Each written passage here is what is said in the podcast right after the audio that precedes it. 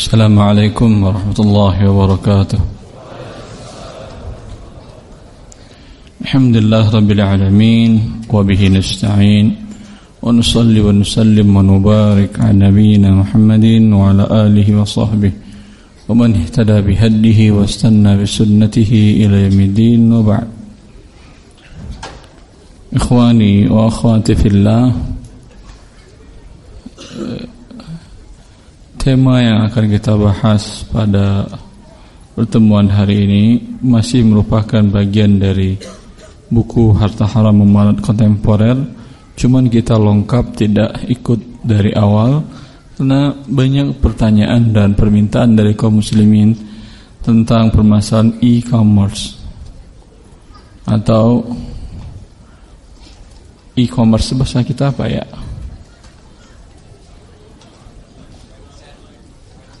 Online jual beli online ha?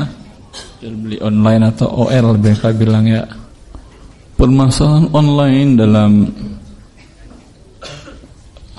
sejarah Islam bukan permasalahan baru.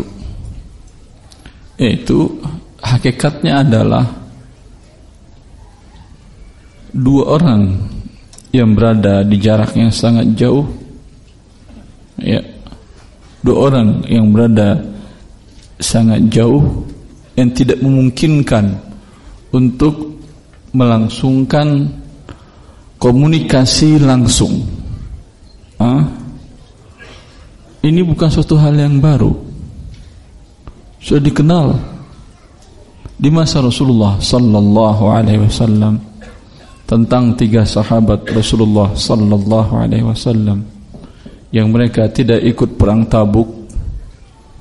Kemudian selama 50 hari mereka dikucilkan dari para sahabat yang lain.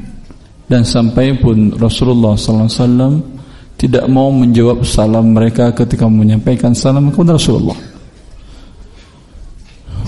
Sangat membingungkan mereka Ka'ab bin Malik salah seorang di antara mereka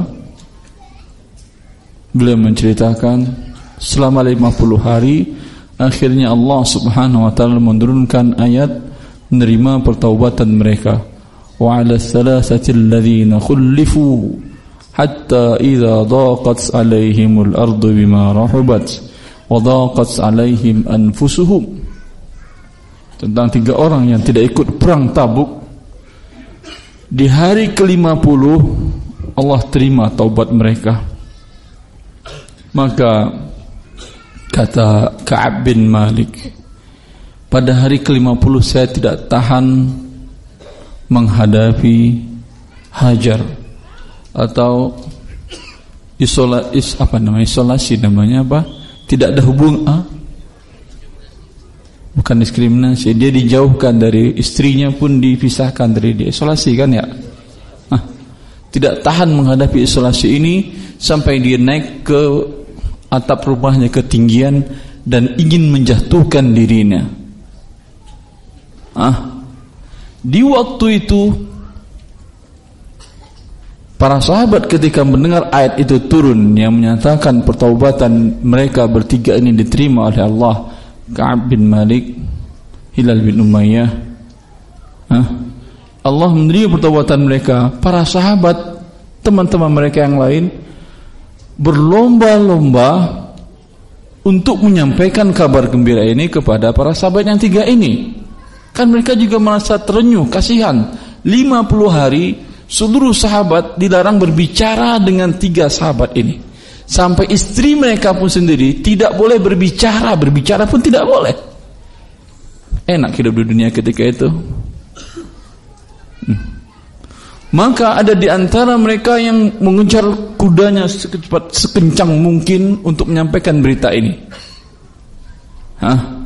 Lalu tapi ada sebuah satu orang yang naik ke puncak ke puncak ketinggian dan mengatakan, "Wahai Ka'ab, sesungguhnya Allah telah menerima pertaubatanmu." Kata Kaab, suara lebih dahulu daripada kuda. Online atau tidak itu? Online atau tidak? Eh, masya Allah. Online ya, akhi. Dengan suara. Dan di masa Umar bin Khattab radhiyallahu taala an ketika beliau menaklukkan Qadisiyah. Hah? Perang menaklukkan itu perang panjang melawan imperium besar di masa itu, imperium Persia yang merupakan kejayaan dan kebanggaan negara Iran sekarang. Mereka imperium besar, besar sekali. Seribu tahun api yang mereka sembah itu tidak pernah padam. Itu menunjukkan mereka besar atau kecil. Punya dana besar mereka untuk menyalakan api selama seribu tahun. Agama majus. Maka penaklukan imperium ini dimulai dari pinggiran kekuasaan mereka. Di salah satu perang Umar langsung menyaksikan dari tempat duduk yang seperti ini umpamanya beliau duduk dan para sahabat beliau melihat berkitar sekitar beliau di depan mata beliau kelihatan kelihatan. Tampak oleh beliau dengan jelas berlangsungnya peperangan live. Live ya live. Nampak di mata beliau. Dari mana tahu ini kita live? Beliau nampak seperti itu. Ketika pasukan dia terdesak, maka beliau mengatakan berteriak dari kota Madinah, jarak sekitar 2000 kilo lebih antara Persia dengan kota Madinah. Beliau mengatakan 2000 kilo Jakarta ke mana itu? Sulawesi? lebih Surabaya ke Arab Saudi itu 9000 kilo kalau pesawat. Dari 2000 kilo sampai ke mana sudah itu? Singapura nggak ada sampai 9000 kilo ya? Ujung Jawa ke Jawa cuma 19 1000 kilo. Palingan ya? Lebih. Ah anggap sampai ke Jaya nampak oleh beliau beliau mengatakan dengan lantang dari Madinah. Al-Jabal ya Sariyah Al-Jabal Al-Jabal. Wahai pasukan Kalian terdesak Mundur teratur daerah naik ke gunung Sehingga mereka tidak bisa menyerang kalian lagi Dan kalian mempersiapkan Kekuatan baru dari atas gunung. Didengar oleh semua para sahabat yang ikut dalam perang tersebut Dan mereka mundur teratur ke gunung Mendengar perintah dari Umar bin Khattab Yang menyaksikan langsung ah, pertandingan perang ah, dari kota Madinah. Lalu ketika pasukan ini sampai ke Madinah dan dengan demikian mereka berhasil menang, memukul mundur musuh di waktu itu. Qadar Allah, kalau bukanlah ucapan Umar, taktik ini mungkin sesuatu terjadi lain. Sampai di Madinah, Umar mengatakan, Alhamdulillah Allah memberikan kemenangan kepada kita. Para pasukan yang ikut pengimat-pengimat mengatakan, kami mendengar suara engkau langsung wahai Umar. Kata Umar, saya melihat langsung dan Allah menyampaikan kepada kalian suara saya dalam jarak 2000 kilo. Hah? Online atau tidak? Alhamdulillah sudah lama online itu tidak ada yang baru. Tayyib. Cuman masalahnya mereka bukan buat dagang mereka untuk menyampaikan pertaubatan menyelamatkan manusia dari kesyirikan. Bukan untuk dagang. Maka ini online sekarang dibukakan adalah pintu online. Ke mana pun bisa ke ujung dunia yang berapa jarak ujung dunia itu? Berapa kilo jaraknya? Hah? berapa? Kira-kira berapa kilo? Anggap 20 ribu kilo 30 ribu kilo bisa nggak anda sampaikan syariat Allah kepada mereka? Bisa dari rumah anda yang ukurannya paling tiga kali lima, Hah? sampai syariat Allah kepada mereka. Bisa menjadi kewajiban anda ya. Jangan buat bisnis saja. Hah? Jangan buat dagang aja. Ya, jual sepatu, jual tas boleh, tidak ada masalah. Bagian dari rezeki Allah. Dan Allah pun memuji dan menyamakan antara orang yang melakukan perjalanan bisnis dengan perjalanan jihad disamakan oleh Allah. Allah mengatakan dalam surat akhir surat Al-Muzammil wa akharun yatribuna fil ardi yabtaghuna min fadlillah wa akharuna yuqatiluna fi sabilillah kata Allah sebagian manusia ada yang berpindah dari suatu kota ke kota yang lain melakukan perjalanan untuk mencari rezeki Allah. Ngapain dia berarti? Dagang.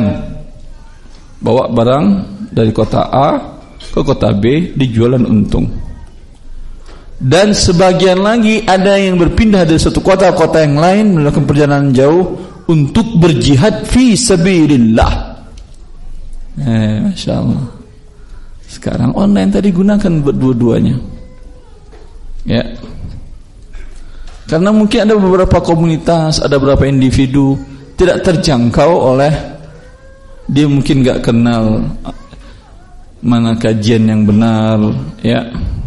Mana kajian sesuai dengan Quran dan hadis. Anda kenal orangnya dengan berbagai cara. Kesempatan bagi anda. Andai dia dapat hidayah keluar dari sebuah dosa kesyirikan dosa besar riba dan lain-lainnya dengan beberapa kata yang anda kirimkan kepada dia di sisi Allah lebih bagus ini pahalanya anda dapatkan daripada kendaraan yang termewah. Li ayyahdiyallahum bika mura'an khairun laka min humurun na'am kata Rasulullah seseorang mendapat hidayah dengan pelantaranmu di sisi Allah Azza wa Jal lebih baik daripada unta yang merah.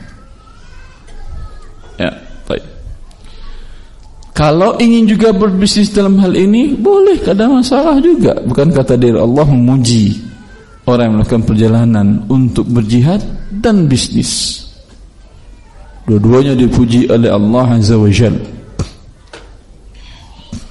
Boleh Tapi dia ada kaedah Ketentuan ha? Yang berbeda dengan ketentuan Dagang dan bisnis offline Faham? Paham itu? Hah.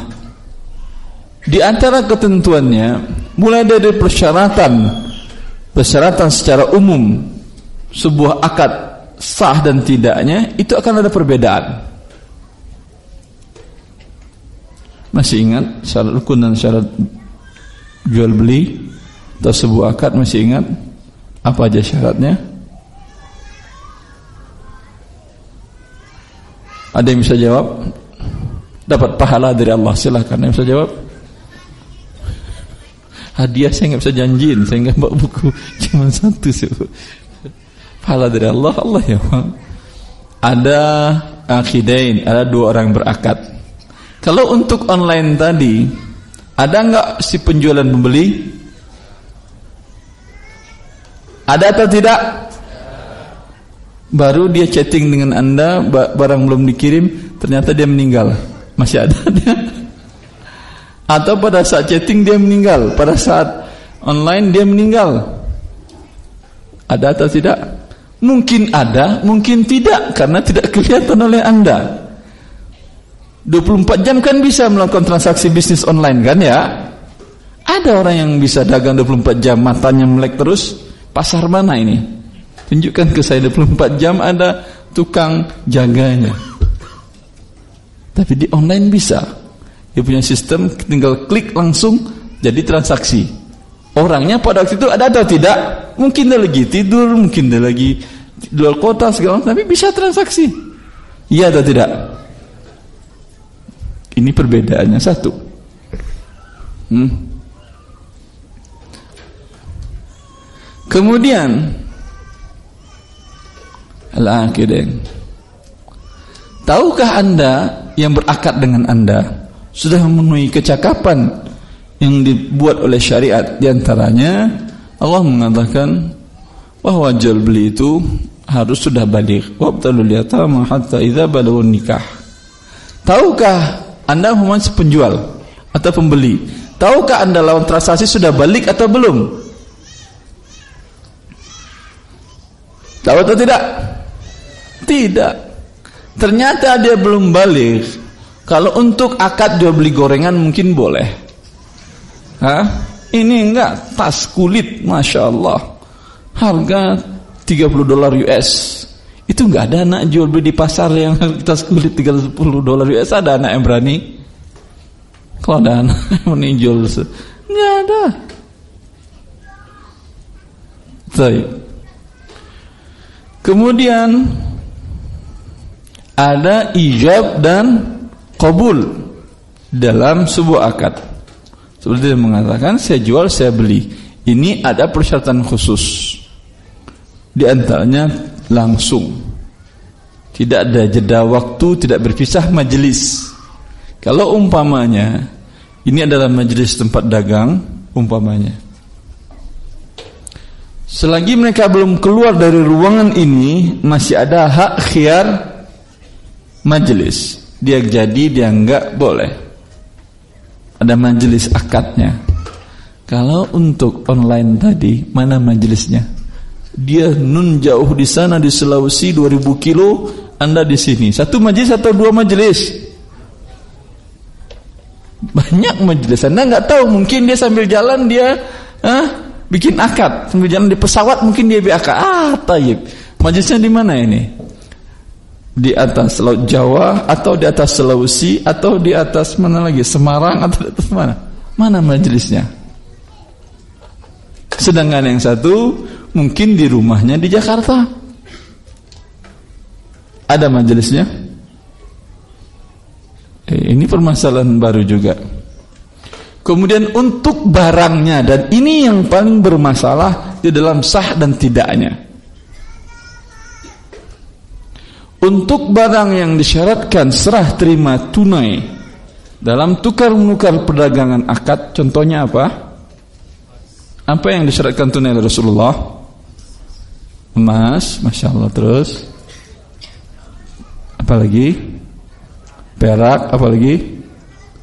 garam, masya Allah garam betul. Gandum dengan dua bentuknya, syair dan bur. Satu lagi apa? Korma. Rasulullah mengatakan Al-Zahab bil-zahab wal fiddah bil fiddah wal burru bil burri Wal-Sya'iru bil-Sya'iri Wal-Milh Wal-Tamru bil-Tamri Wal-Milh bil-Milhi kata Rasulullah yadan biyadin mislan bimislin Fa'idha ikhtalafat hadhihi asnafu fabi'u kaifa syi'tum Iza kana yadan biyadin untuk enam komoditi dan seluruh komoditi yang bisa dikiaskan dengan ini ada syarat khusus Rasulullah mengatakan tukar emas dengan emas. Syaratnya dua. Pertama, ya dan biadin.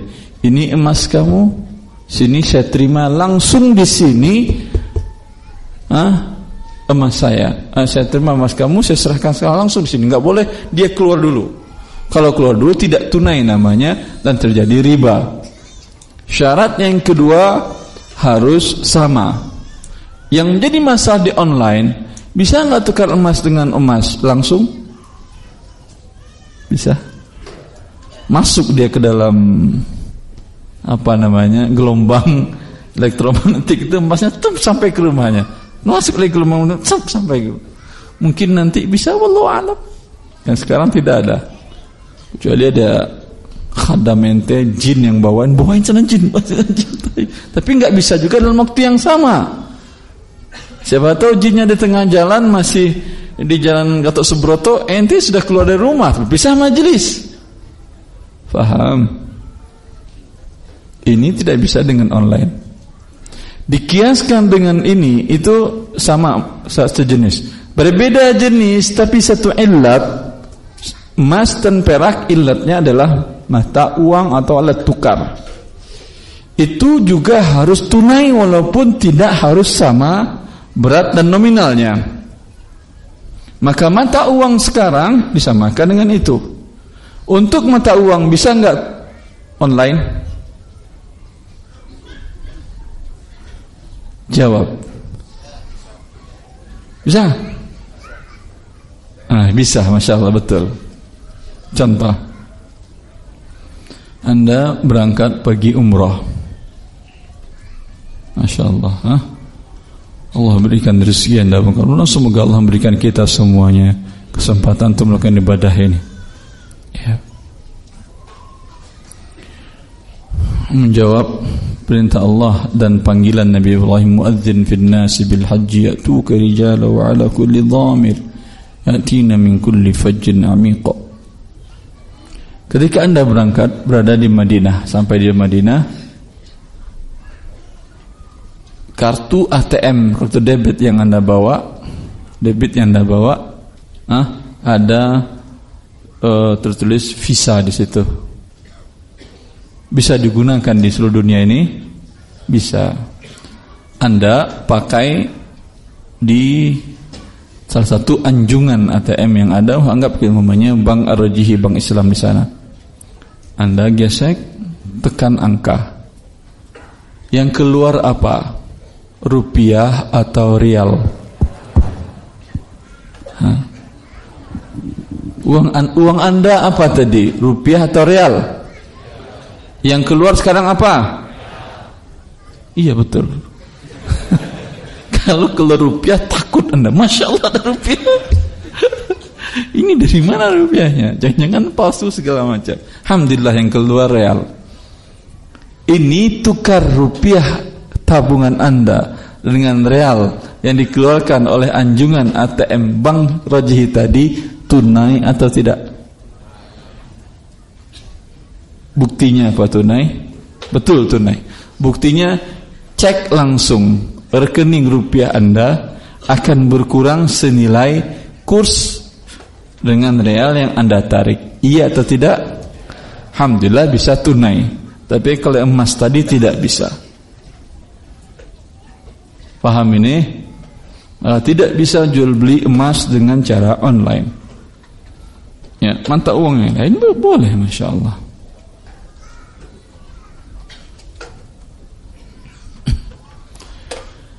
Tapi ada beberapa bentuk pengiriman transfer uang. Bagi yang pernah kerja di luar negeri, mungkin dia kirim uang berbentuk dolar kepada istrinya Mamanya dia kirim seribu dolar US ke istrinya di di mana? Jakarta atau di mana bukan di Indonesia. Yang tertulis di slip transfer dia di negara tempat dia mengirimkan tadi itu nominal dolar atau rupiah? Yang pengalaman, yang pernah. Jangan asal jawab untuk pengalaman atau tidak. Yang tertulis apa? Anda serahkan seribu dolar. Nah, yang tertulis di sana dikirim dolar, kemudian sekian kursnya, sekian rupiahnya. Berarti yang akan diterima di Indonesia rupiah atau dolar? Diserahkannya dolar di jarak 7000 kilo. Nah, kemudian diterima rupiah jarak 7000 kilo tempat penyerahan. Sedangkan kita katakan tadi syarat tukar menukar mata uang haruslah tunai. Ini sekarang tunai atau tidak? Hmm? Tunai atau tidak? Hah? Kirim hari ini. Apakah kirim jam 9.30 waktu Indonesia? Di sana nggak tahu mungkin bisa mundur. Kalau dia dari Saudi di barat dia mun, kalau bisa maju bisa mundur. Teh. 9.30 apakah di waktu pengiriman itu langsung bisa dia cairkan? Ada yang bisa ada betul ada. Ada beberapa jasa transfer yang bisa langsung tunggu di kantor pos atau di mana anda langsung bisa dicairkan ada tapi umumnya kalau antar bank itu ada itu ada jasa transfer khusus Kalau umumnya tidak. Belum bisa dicairkan. Hah? Tapi sudah masuk tercatat ke rekening. Iya atau tidak? Sudah cek di rekening sudah masuk. Tapi yang ketelannya Mbak, masuk gak uh, transfer dari suami saya? Ya, masuk. Tapi dicairkan sudah bisa. Terkadang belum. Butuh waktu sekian untuk clearing, tahu. Kadang sekali 24 jam sekarang sekian. Ya. Ini tunai atau tidak namanya? Belum bisa diambil. Belum bisa digunakan. Tapi sudah tercatat di dalam pembukuan rekening anda. Tunai atau tidak namanya? Hah? tunai. Cuman nama penerimaannya qabdun hukmi secara hukmi masuk ke rekening masuk ke dalam saya, uang saya. Sama umpamanya. Kita tukar uang. Saya tukar seribu dolar dengan beliau rupiah. 13 juta. Ya. Beliau punya berangkas ada lubang kecil gitu bisa untuk masukin uang di situ. Saya bilang, sini rupiahnya dan ini atau dia jarak jauh masukin ke rekening saya rupiahnya yang anda saya masukin ke dalam berangkas anda ini Hah? paham antum kasusnya di berangkas tadi bisa dia ambil kalau kuncinya ketemu iya lupa dia nomor nomor passwordnya dan kuncinya hilang Hah? Itu butuh berapa hari buka berangkas tadi itu Wallahu a'lam mungkin sehari dua hari cari dulu segala macam. Belum sudah bisa dipakai uangnya? Belum, tapi sudah masuk ke pemilikan dia? Sudah tunai atau tidak? Sama dengan yang tadi. Jelas atau tidak? Masya Allah. Ini untuk komoditi al-mabi' objek yang diperjualbelikan tadi. Untuk enam komoditi ini ada syarat khusus tadi tunai dan tidak tunainya. Untuk komoditi lain seperti menukar rupiah dengan tas, menukar tas dengan kacamata, menukar baju dengan rupiah, menukar celana dengan dolar. Ini ada persyaratan tunai? Tidak ada. Ah. Yang persyaratan tunai itu satu satu jenis atau satu ilatnya. Seperti sama-sama mata uang sama-sama makan pokok. Berbeda ilat. Yang satu adalah mata uang yang satu makanan pokok boleh tidak tunai? Boleh. Beras diambil hari ini uang dibayar tiga hari lagi boleh tidak harus tunai tukar rupiah dengan beras tapi tukar rupiah dengan rupiah harus tunai. Tukar rupiah dengan dolar harus tunai. Tukar beras dengan tepung harus tunai. Paham? Tapi tukar tepung dengan perak dengan rupiah boleh tidak tunai. Faham sampai sini? Maka dalam jual online tadi nggak ada masalah, boleh. Tapi permasalahan lanjutan dari persyaratan akad yang lain terpenuhi atau tidak. Orang yang berakatnya untuk barang-barang yang harganya mahal mesti adalah orang yang sudah balik dan berakal. Tapi biasanya orang yang bisa melakukan transaksi dengan via online anak-anak bisa. Bisa juga bisa kalau gitu berbahaya ini. Jangan-jangan ini yang membeli anak-anak? Anak-anak dia beli namanya tas kulit. Hah? Atau jaket kulit dibeli anak-anak. Tapi kan antum tahu ini ukurannya anak-anak ini. Tapi perlu nggak anda bertanya kepada dia? Atau buat di dalam apa sebuah conditionnya umur berapa? Begitu kan ya tapi kan bisa dia tinggal klik aja tulisnya umur 25 padahal umurnya cuman baru tujuh tahun setengah atau lima tahun setengah. Bisa atau tidak? Bisa. Wah terlalu repot Ustaz. Kalau gitu setiap nanti umur anda berapa segala macam, nggak ada masalah. Hah? Pada dasarnya akad tadi boleh. Kecuali ternyata dia anak kecil, apa boleh buat? Akad tidak sah. Hah? Kemudian konsekuensi dari akad tidak sah, uang kepemilikan menjadi tidak halal di tangan anda. Uang imbalan barang tersebut. Hanya itu saja dan tidak dan jumlah biasa persentase dari anak yang melakukan transaksi online berapa persen? Sampai 10 persen. Anak yang belum balik yang melakukan transaksi online sampai 10 persen. Oh, tapi yang bermasalah game biasanya anak-anak doyan game kan ya? Hmm, ini berbahaya nih game ini. Kalau transaksi game itu umumnya anak-anak atau orang tua yang main game? Dua-duanya orang tua juga main game. Subhanallah. Ini orang tua yang nggak bahagia waktu kecilnya ya, akhi. Hah? Waktu kecil bahagia main di sawah itu lebih bahagia daripada main game. Subhanallah. Ya. Umumnya anak-anak tetapi kalau harganya harga anak-anak nggak ada masalah juga. Bukankah anak-anak setiap hari jajan Anda berikan di sekolah? Ya. Maka kalau Anda ingin jual game juga, pertama game yang berguna, bermanfaat bagi yang melakukannya. Ya, bukan sekedar game pukul-pukul, pukul-pukul mati kemudian ini berbahaya nanti anak anak anak kaum muslimin dipukulnya andeknya, dipukulnya ayam, dipukulnya ini Subhanallah. Baik.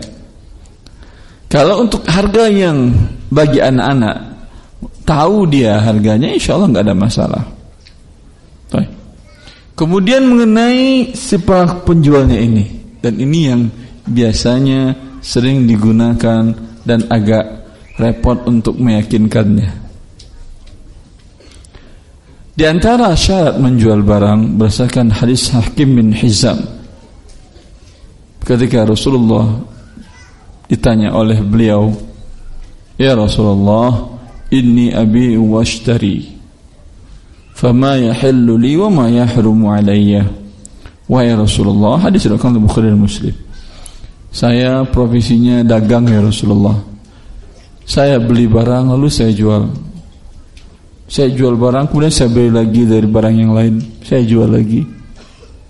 Mohon jelaskan apa yang halal dan apa yang haram dalam profesi saya ini. Kata Rasulullah, "Ya bena akhi, la tabi' ma laysa indak." Wahai anak saudaraku, jangan kau jual barang yang belum engkau miliki. Di online biasanya apa namanya? Ambil gambar dari sini atau foto taruh di website dijual foto dari toko orang ini kayaknya bagus taruh di website begitu atau tidak umumnya jarang-jarang yang mengerti akan makna hadis Hakim bin Hizam tadi kata Rasulullah jangan kau jual barang yang belum kau miliki ini dia pedagang ini Hah? pedagang anggap dia maunya pedagang sembako stok yang ada di gudang dia umpamanya sekitar tinggal lagi 50 kilo. Orang ini datang beli ingin beli satu kuintal.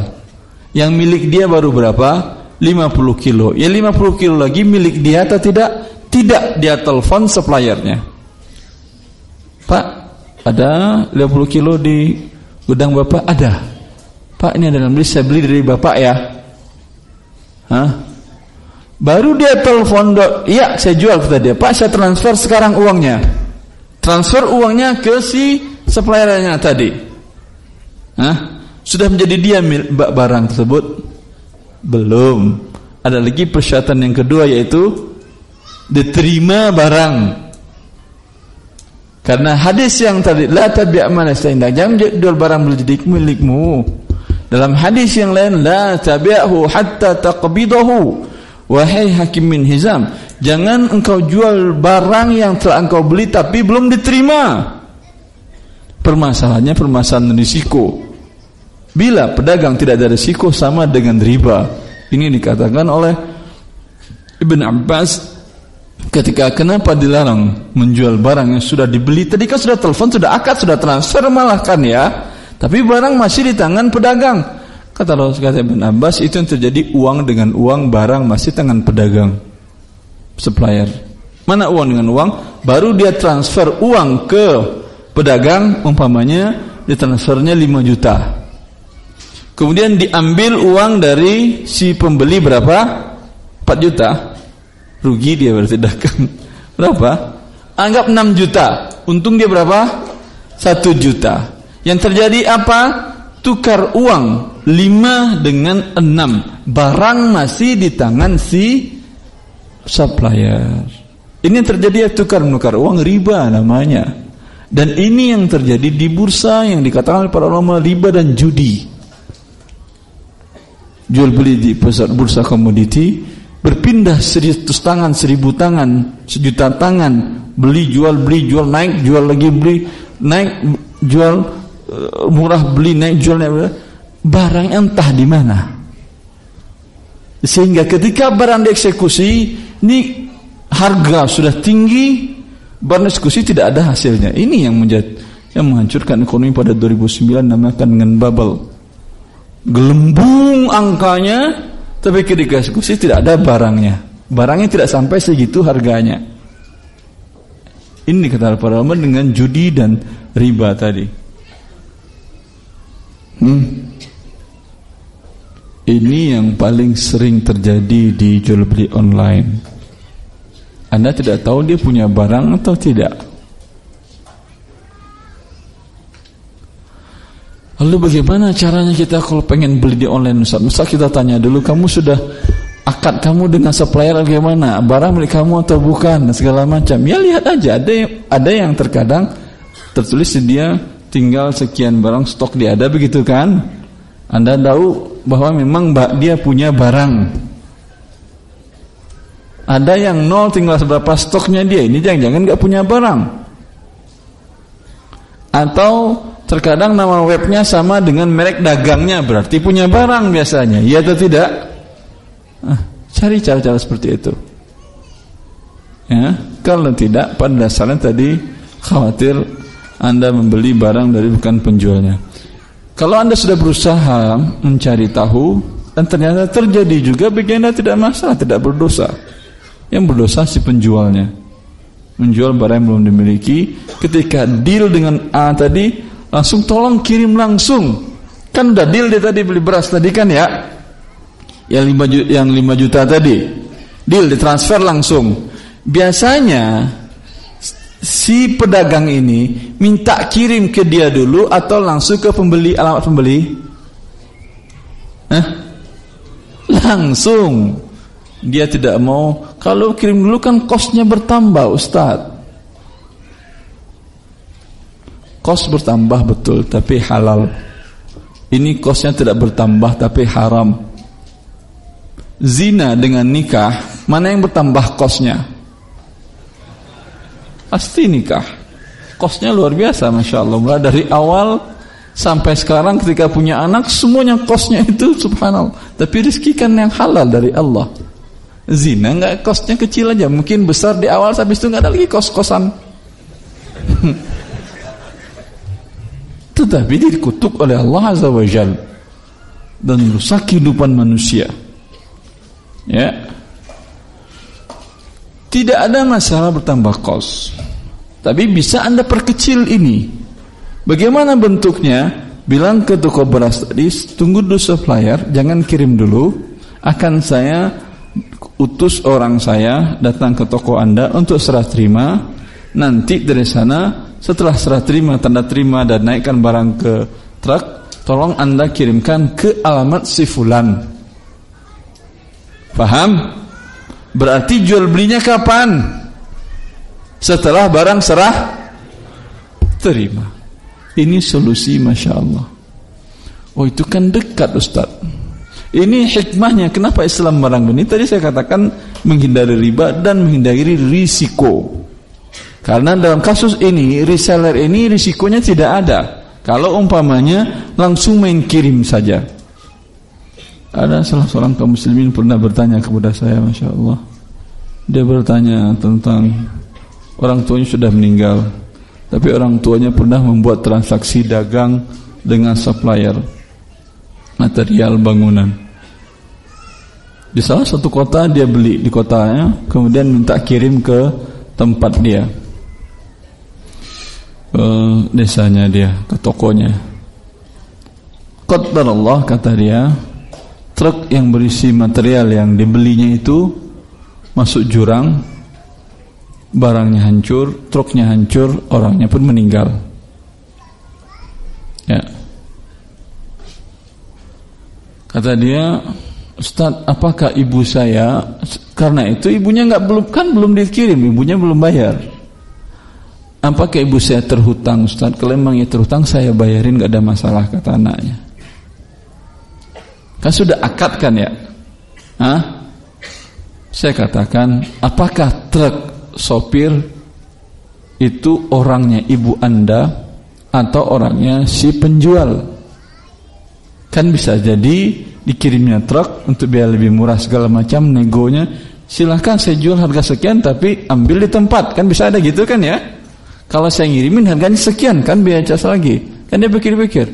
Kata dia, kata dia uh, truk dan sopirnya itu milik si penjual Ustaz. Ah, kalau gitu orang tua Anda terbebas dari hutang. Kenapa? Belum serah terima. Kalau belum serah terima, berarti tidak ada risiko di pembeli kan belum jadi milik dia.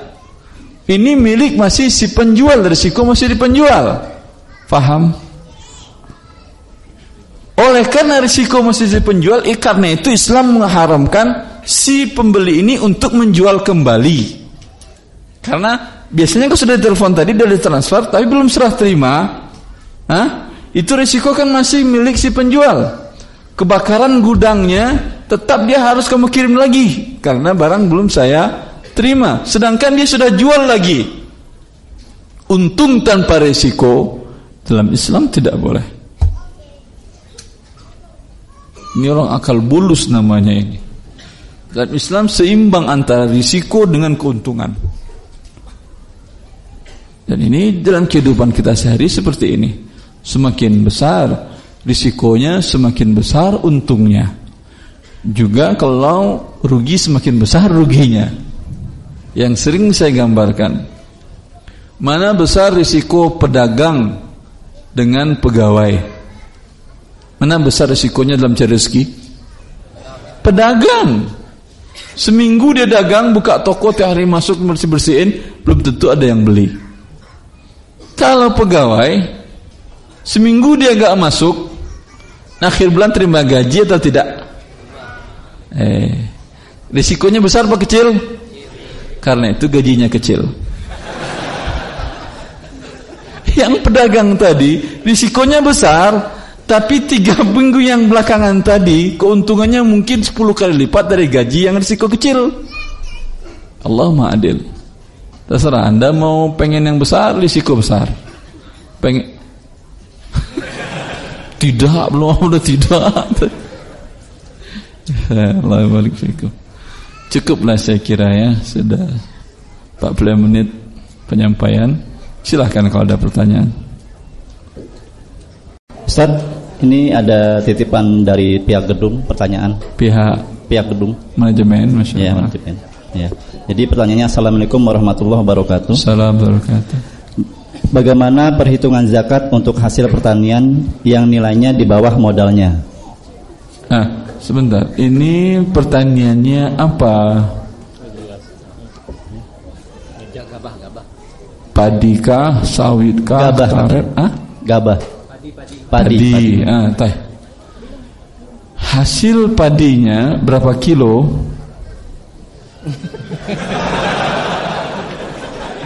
Kalau di atas di atas satu nisab yaitu 300 sok 300 sok satu sok itu satu zakat empat mud sekitar 2,3 liter Hah?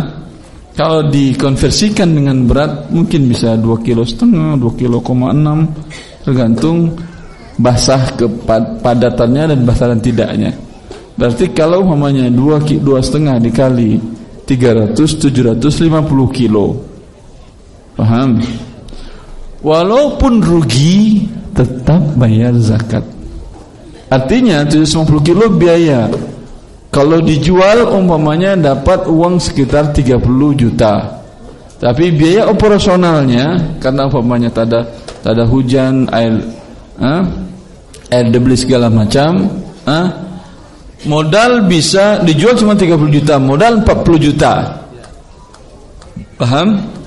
Wajib dizakatkan atau tidak? Iya, wajib. Karena ini sampai nisab dan dan sudah panen. Begitu juga dengan dagang harta perniagaan. Barang yang dijual belikannya dengan uang cash ketika memulai dagang itu sampai nisab sekitar umumnya 200 juta. Paham? Di akhir tahun setelah di akhir tahun Qamariyah dihitung lagi barangnya tadi dan uang yang ada. Dari 100 juta tadi tinggal lagi umpama 50 juta. Masih ada zakat 50 juta itu kan lebih dari 85 gram emas, lebih senisab. Ada zakat? Iya ada. Tapi dari yang 50 bukan dari yang 100. Dua setengah persen dari 50 kan kecil. Paling 1,2 setengah juta. Bukan dari 100 juta dikeluarkan. Jelas? Sampaikan kepada yang bertanya nanti bila taufik. Dan insya Allah jangan khawatir anda Wah ini saya rugi Mah kena zakat lagi Kalau tidak anda bayar Rugi selama-lamanya anda Rugi dunia dan rugi akhirat Kalau anda bayar Allah akan tumbuhkan zakat anda, zakat perdagangan anda Mana qasamalun min sadaqah. Kata Rasulullah Tidak ada harta berkurang dengan disedekahkan. Dan ini real. Real. Bukti dan kenyataan. Orang yang bersuka bersedekah Rezekinya dibukakan Allah dari berbagai pintu jalan. Dan tidak akan miskin dia. Dahulu waktu kuliah di Arab Saudi Ada seorang kaya raya di sana Yang punya bank Islam di situ Zakatnya untuk mahasiswa saja Sekitar 1 juta 250 Real. Berapa miliar itu? 4 miliar. Itu yang buat mahasiswa aja Belum yang lainnya. Jadi miskin dia enggak jadi makin kaya dia. Itu buat zakatnya 3 miliar dia keluarkan untuk mahasiswa saja mahasiswa asing yang kuliah di situ. Belum lagi yang untuk yang lain-lainnya. Dulu waktu terjadi gempa di Aceh kalau tidak salah dia kirim sekitar 150 miliar hibah bukan pinjaman hibah bukan pinjaman kalau negara-negara lain biasanya pinjaman dan berbunga riba. itu bukan bantuan. Allah mengatakan itu kehancuran. Assalamualaikum warahmatullahi wabarakatuh. Waalaikumsalam warahmatullahi wabarakatuh. Ustaz profesi saya arsitek dan juga pemborong. Masya Allah. E, kebetulan saya ada beberapa arsitek dan sekalian Gus punya developer gitu. Iya. Developer juga tadi. Iya. Nah. Dan saya suka uh, mendapatkan pekerjaan seperti bangun salon gitu Ustaz. Suka apa? Dapat proyek salon, bikin salon untuk kecantikan kayak gitu Ustaz. Eh. Nah, kira-kira itu hasil yang didapat haram atau halal Ustaz? Bentar. Di, desain desain dan bangunnya Ustaz. Bangun bangun rumah salon kecantikan. Iya. iya. Rumah salon kecantikan ini maksiat atau bukan mas salon? Kalau di negara beda-beda negara kali ya. Setahu saya di Arab Saudi biasa perempuan datang ke salon, laki-laki datang ke salon, bahkan ya asal tidak ada maksiat di sana ya, tidak ada masalah. Salonnya salon umum, Ustaz. Sebentar, salon di Indonesia secara umum apa saja yang dilakukan di situ? Potong rambut. Potong rambut boleh. Mewarnai rambut. Terus Mewarnai rambut boleh, bukan bapaknya Abu Bakar, Abu Kuhafah Rambutnya diwarnai jadi warna katam, warna agak kuning kemerah-merahan. Boleh. Tidak apa-apa ya? Hah? Yang Tidak. itu boleh. Ada lagi yang enggak boleh? Tidak sel uh, selama ini sih yang, yang boleh potong alis. Nah. Kemudian apa lagi? Alis mana? Ini, ini apa ini? Bulu mata. Larang. alis. Hah? Ini diharamkan. Hah? Kemudian kikir gigi, mutafallijat. Kalau kikir gigi ada di salon nggak ada kan ya? Ada. Ada salon? Tidak ada kan ya? Ada. Ya. Bila ini kalau paling sekitar 5% yang haram, 90%-nya halal. Hukum asalnya adalah lil ghalib. Bagi yang mayoritas. Boleh insyaallah taala. Ustaz. Allah barik. Ustaz. Allah salam. Satu ibu-ibu langsung. Ya, Assalamualaikum warahmatullahi wabarakatuh. Uh, pertanyaannya, apakah GoPay termasuk dalam riba? Karena kita harus top up seperti pulsa namun mendapatkan diskon. Kemudian bagaimana hukumnya untuk uh, uang elektronik seperti e-money yang kartu flash dan sebagainya? Syukran. Allah barik Ini sempat ramai ya di medsos kan ya. Masya Allah. Dan sudah saya jelaskan rinciannya di buku Harta Haram Amal Kontemporer cetakan ke-15 tentang hal ini. Permasalahannya bukan gopenya haram, imani haram tidak. Tapi bila ada tindakan dari salah satu pihak yang melanggar syariat Allah, ketika itu ini menjadi haram transaksinya. Jelas itu? Hah? Bukan ATM haram, kartu kredit haram tidak. Tapi ketika ada persyaratan-persyaratan dalam kartu itu yang melanggar syariat Allah, maka dalam transaksi itu menjadi haram. Bila tidak mungkin dipisahkan sama sekali, pasti akan ada, berarti haram dia sama sekali. Mutlak haram. Faham ini? Kembali kita ke permasalahan GoPay. Ya. GoPay tadi kan Anda deposit uang. Ya atau tidak? Deposit uang ini artinya apa? Akadnya apa? Meminjamkan bukan beli jasa dia. Karena belum ada transaksi jasa. Baru ngirimkan uang. Ketika masuk ke rekening perusahaan GoPay tadi, sudah bisa nggak dia gunakan uangnya? Itu dia akad pinjaman, bukan akad jual beli jasa. Kalau jual beli jasa seperti pulsa, tidak deposit namanya langsung dibayar pulsa. Atau anda beli tiket pesawat tiga bulan sebelum berangkat Hah? deposit namanya atau beli tiket? Beli tiket namanya tidak deposit namanya. Bisakah anda minta program deposit ke salah satu penerbangan maskapai penerbangan di Indonesia? Umpamanya maskapai yang terkenal Garuda Garuda saya sering kerja ke antar pulau segala macam atau ada bisnis segala macam Khawatir saya nanti pada waktunya rekening saya kosong. Saya deposit di Anda umpamanya 10 juta. Dia bilang, ah, Bapak beli tiket ke mana? Belum ada, beli nanti.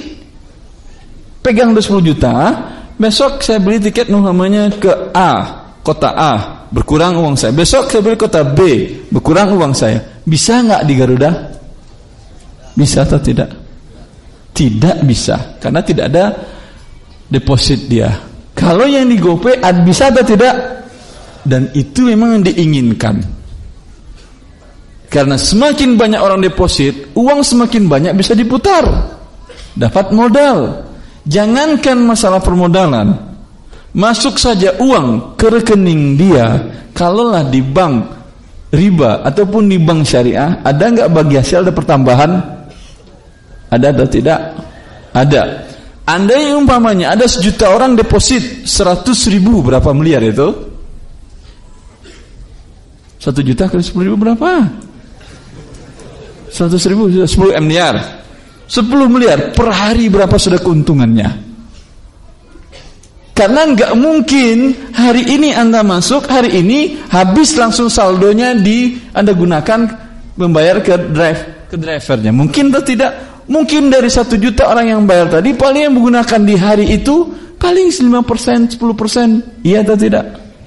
Itu keuntungan yang luar biasa.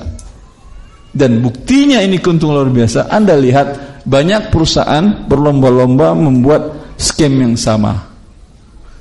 Bisa mengumpulkan dana sebanyak-banyaknya. Sampai di sini tidak masalah.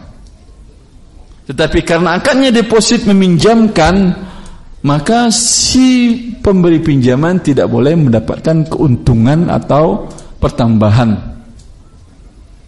Ya. Silakan deposit, enggak ada diskon. Mau bayar pakai deposit, mau pakai pakai uang cash tidak ada, sama. Tapi kalau dia buat sistemnya seperti itu, menarik enggak bagi para konsumen? Narik apanya?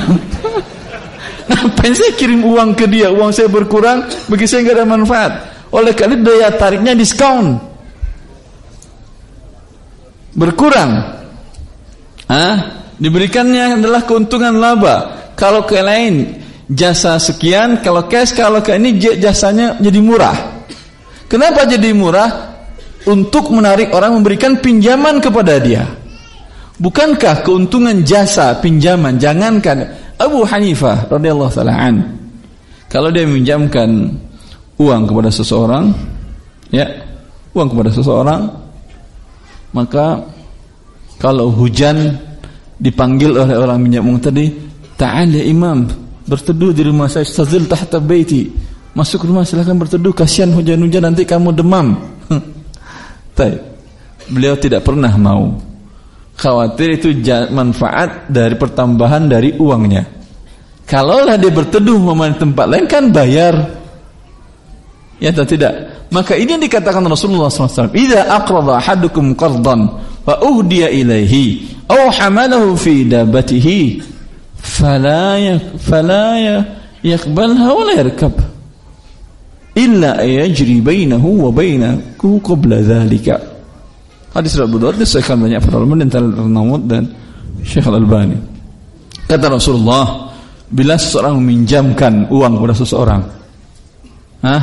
lalu si penerima pinjaman memberikan hadiah kepada pemberi pinjaman atau si penerima pinjaman memberikan jasa tunggangan ya Kata Rasulullah, jangan terima hadiahnya dan jangan mau naiki tunggangannya. Tetangga A dan B. A butuh uang 10 juta, lalu dia pinjam kepada B, dipinjamkan oleh B. Selama ini A tidak pernah berikan hadiah makanan apa pun kepada si B. Semenjak pinjaman, Masya Allah, pagi hari lontong, kirim pecel, Siang hari nasi bungkus padang dikirim Malam hari sate dikirim. Ini sate. Apalagi ini Lontong. Nasi padang riba semuanya ini. Karena sebelumnya tidak pernah ada. Kenapa? Nanti ketika dia bayar 10 juta Bukan 10 juta dia bayar. 10 juta ditambah hadiah selama hitung berapa hadiahnya? Andai hadiah itu dihitung diakumulasikan namanya angkanya 500 ribu berarti dia bayar 10 juta 500 ribu. Itulah dia ribanya. Sampai Rasulullah mengatakan kalau dinaik, ditawarkan tunggangan jangan kau naiki kata Rasulullah. Hah? kebetulan dia satu kantor. Si A dan si B bertetangga tadi. Sebelum pinjaman ini nggak pernah si A itu nawarin ayo bareng aja daripada naik dua kendaraan. Nggak pernah. Tapi masya Allah setelah dapat pinjaman ketok pintu assalamualaikum, ayo bareng-bareng daripada daripada hotai. Ini kan namanya dapat ketika dia bayar ojeknya ada berapa tuh kalau dia naik ojek? Hah? Anggap umur 20 ribu satu bulan apa? Udah 400 ribu kan ya? 20 ribu ke 20 400 ribu sampai dia mengembalikan nanti bukan 10 juta lagi kalau sebulan 10 juta 400 ribu kalau dua bulan 10 juta 800 ribu teruskan pertambahannya kecuali ini sudah sering terjadi kata Rasulullah. Illa ajri bainahu wa bainahu qabla dzalika sebelum pinjaman ini tetangga berdua ini Masya Allah. Satu kantor sering ketemu Assalamualaikum. Ayo be barang pada dua-dua mobil pada dua kendaraan. Begitu juga kadang ada hadiah beri makanan beri segala macam. Ketika ada pinjaman tetap berjalan ini bukan karena pinjaman. Dan bukan riba namanya. Emang hadiah paham ini untuk GoPay tadi gimana pernah anda dapat diskon tanpa deposit tadi? Pernah? Tidak ada. Maka ini adalah riba. Begitu juga ketika Anda bayar dengan kartu umpamanya salah satu toko retail kan Anda mengeluarkan kartu A, kartu B, bayar deposit uang di situ ada kan ya? Ada nggak penawaran mereka ketika Anda membeli barang mereka, Pak mau bayar cash atau pakai kartu? Kalau pakai kartu imani ada diskon. Pernah nggak? Sama nggak ada bedanya. Sama ribanya. Ketika Anda cash pakai uang, Hah? harganya biasa 100 ribu. Ketika Anda pakai kartu yang meminjamkan uang kepada dia sebelumnya, harga 90 ribu. Berarti Hah? Anda pinjamkan kepada dia sekian ada pertambahan 10 ribu dari dia. Yang nggak meminjamkan dia nggak ada pertambahan. Riba atau tidak? Alhamdulillah. Begitu juga kartu tol yang bayar uang di depan. Kalau Anda pakai kartu tol kan minjamin uang ke dia kan ya? Ya, walaupun ke sesuatu bank tapi atas nama rekening dia, milik dia. Hah? Pernah nggak ada program promosi dan lain-lainnya kalau pakai kartu ada potongan, kalau tidak pakai kartu harga biasa. Pernah? Hah? Kalau pernah ada ribanya jangan. Yang jelas ketika beda harganya, apakah dia kartunya haram? Tidak, berguna sekali. Tapi ketika ada penawaran riba, jangan pakai. Paham? Ketika penawaran dari toko retail tadi, Pak, kalau pakai cash sekian, kalau pakai kartu yang de, yang deposit tadi lebih murah. Dia bilang, saya nggak mau pakai riba, nih cash. Paham antum? Hah? Tapi kartunya ditelarang tidak boleh kartunya. Gunakan nanti namanya buat tol dan lain-lainnya. Jelas permasalahan apa tadi? GoPay tadi? Allah barik fikum.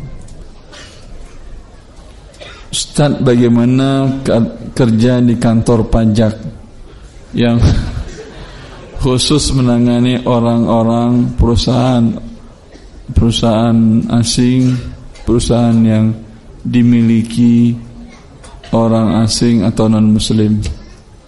Dalam Islam kezaliman baik kepada muslim dan muslim haram. Sama saja. Karena walaupun ditarik dari non muslim itu yang bayar bukan dia. Nanti pembelinya kan muslim umumnya. Yang muslim juga nanti yang akan terzalimi. Allah barik tidak boleh bekerja di lembaga tersebut. Yang bilang ini bukan saya Rasulullah sallallahu alaihi wasallam. Beliau mengatakan la yadkhulul jannata sahibu maksin tidak akan masuk surga penarik pajak. Silahkan nomor dua yang pakai mic. Assalamualaikum warahmatullahi wabarakatuh. Salam wabarakatuh. Ustaz, jadi teman anak dia punya usaha dagang baju celana. Lalu baju dia, celana ya celana terus dia saya ngejualin barang dia itu saat tapi yang ngirim teman saya itu. Dan har, dan misalnya harga bajunya 100 ribu. Saya jual 100 ribu juga. Tapi nanti saya dapat dikasih 20 ribu misalnya dari jadi saya ngasih ke dia 80 ribu saya dapat 20 ribu. Itu kayak gitu gimana Sat? harus bayar dulu anda baru dikirimkan dia kepada pembeli dari anda atau tidak? Biasanya sih pembelinya bayar ke saya dulu baru nanti teman saya ngirim. Enggak. Hah? Itu teman tadi itu. Hah? Setiap barang yang Anda suruh kirimkan kepada pembeli Anda, dia minta uang di depan dulu atau tidak? Enggak, Ustaz. Kalau enggak boleh. Ini betul keagenan kita dalam fikih namakan dengan wakalah. Kenapa tidak minta? Karena teman saling percaya. Hmm. Dan ini tidak mungkin resellernya orang yang entah berantah di negara entah berantah. Iya atau tidak? Kalau teman bisa dengan akad keagenan atau wakalah. Ya, eh, itu halal akad wakalah. Oh, Jelas? Jelas. Bersama firman Allah. Jazakallah khair Ustaz. Allah barik fikum. Ibu-ibu yang naik, silakan. Assalamualaikum Ustaz, masih terkait dengan Apa Ibu? Masih terkait sama pertanyaan GoPay nih Ustaz. Pertanyaan? GoPay. Orangnya sudah berubah atau masih? Berubah Ustaz. Oh, tanya. Yang nanya masih megang mic masih sama tapi. Apa Ibu? Ini, uh, ini misal GoPay-nya mau di stop. Tapi masih ada sisa GoPay-nya uang. mau apa? Mau di stop nih Ustaz. Ah, enggak lanjutin lagi terus. Uh, kemudian tapi kan masih ada sisa uangnya tuh yang depositonya itu Ustaz. Ya. Nah, uh, tapi itu tidak bisa dicairkan. Itu gimana ya Ustaz hukum? Jangan dipakai sampai tidak ada lagi program diskon. Sekarang masih ada program diskon ya? Masih. Jangan pakai dulu. Pendam dulu aja. Suatu saat atau jual ke, bisa dijual itu. Bisa. Kalau nggak bisa sabar aja dulu. Tak jelas Ibu? Baik. Sekarang dari kertas. Ustaz, saya mau tanya, saya seorang driver ojek online. Sebagai driver yang baik dan taat sesuai peraturan perusahaan termasuk mengikuti peraturan perusahaan untuk tidak diperbolehkannya menggunakan memodifikasi aplikasi ojek online tetapi sebagian kerabat dan teman-teman seprofesi saya banyak yang memodifikasi dan menambahkan aplikasi supaya dapat orderan banyak. Pertanyaan saya, apa hukumnya jika kita mencari rezeki dengan memodifikasi aplikasi supaya dapat order banyak, tetapi dari perusahaan tidak diperbolehkan? Apa hukumnya jika konsumen atau penumpang membayar dengan kartu kredit karena diperbolehkan dari perusahaan. Pertama, al-muslimuna ala syurutihim. Orang muslim itu mereka itu selalu memenuhi persyaratan yang dibuat. Selagi perbuatan persyaratannya tidak maksiat, wajib Anda penuhi. Allah mengatakan ya ayyuhalladzina amanu aufu bil uqud. Wahai orang beriman, penuhi akad kalian. Anda berakad tadi tidak boleh dirusak seboleh begini-begini. Lalu sekarang Anda modifikasi Anda rusak. Ya, tidak halal Anda mendapatkan rezeki dari sini. Jelas itu? Allah taala Kemudian permasalahannya sekarang yang kita lihat di media massa dan dalam kenyataannya ribut antara transportasi online ini dengan transportasi konvensional. Iya atau tidak? Sampai saling bunuh. Permasalahannya sebetulnya kembali kita merujuk kepada fikih syariat Allah ya. Di dalam buku Artam saya bahas ini.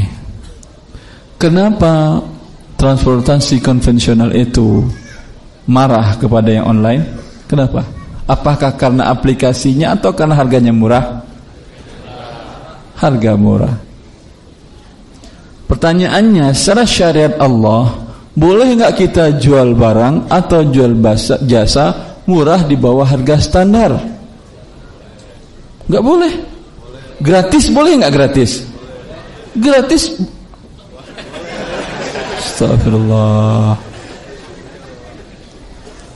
Umpamanya Hah?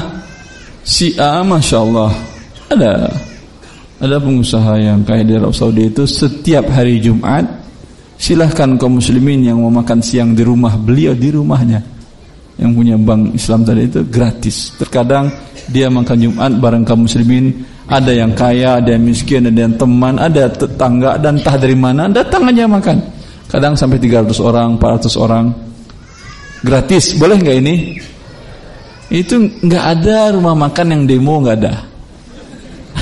Kamu gara-gara gratis orang nggak belanja lagi ke kita, nggak ada. Hai.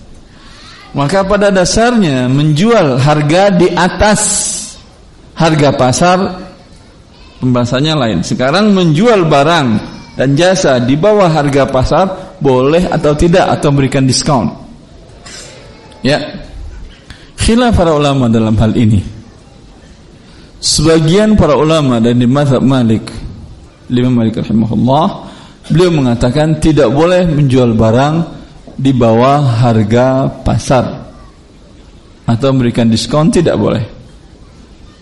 Mana dalilnya?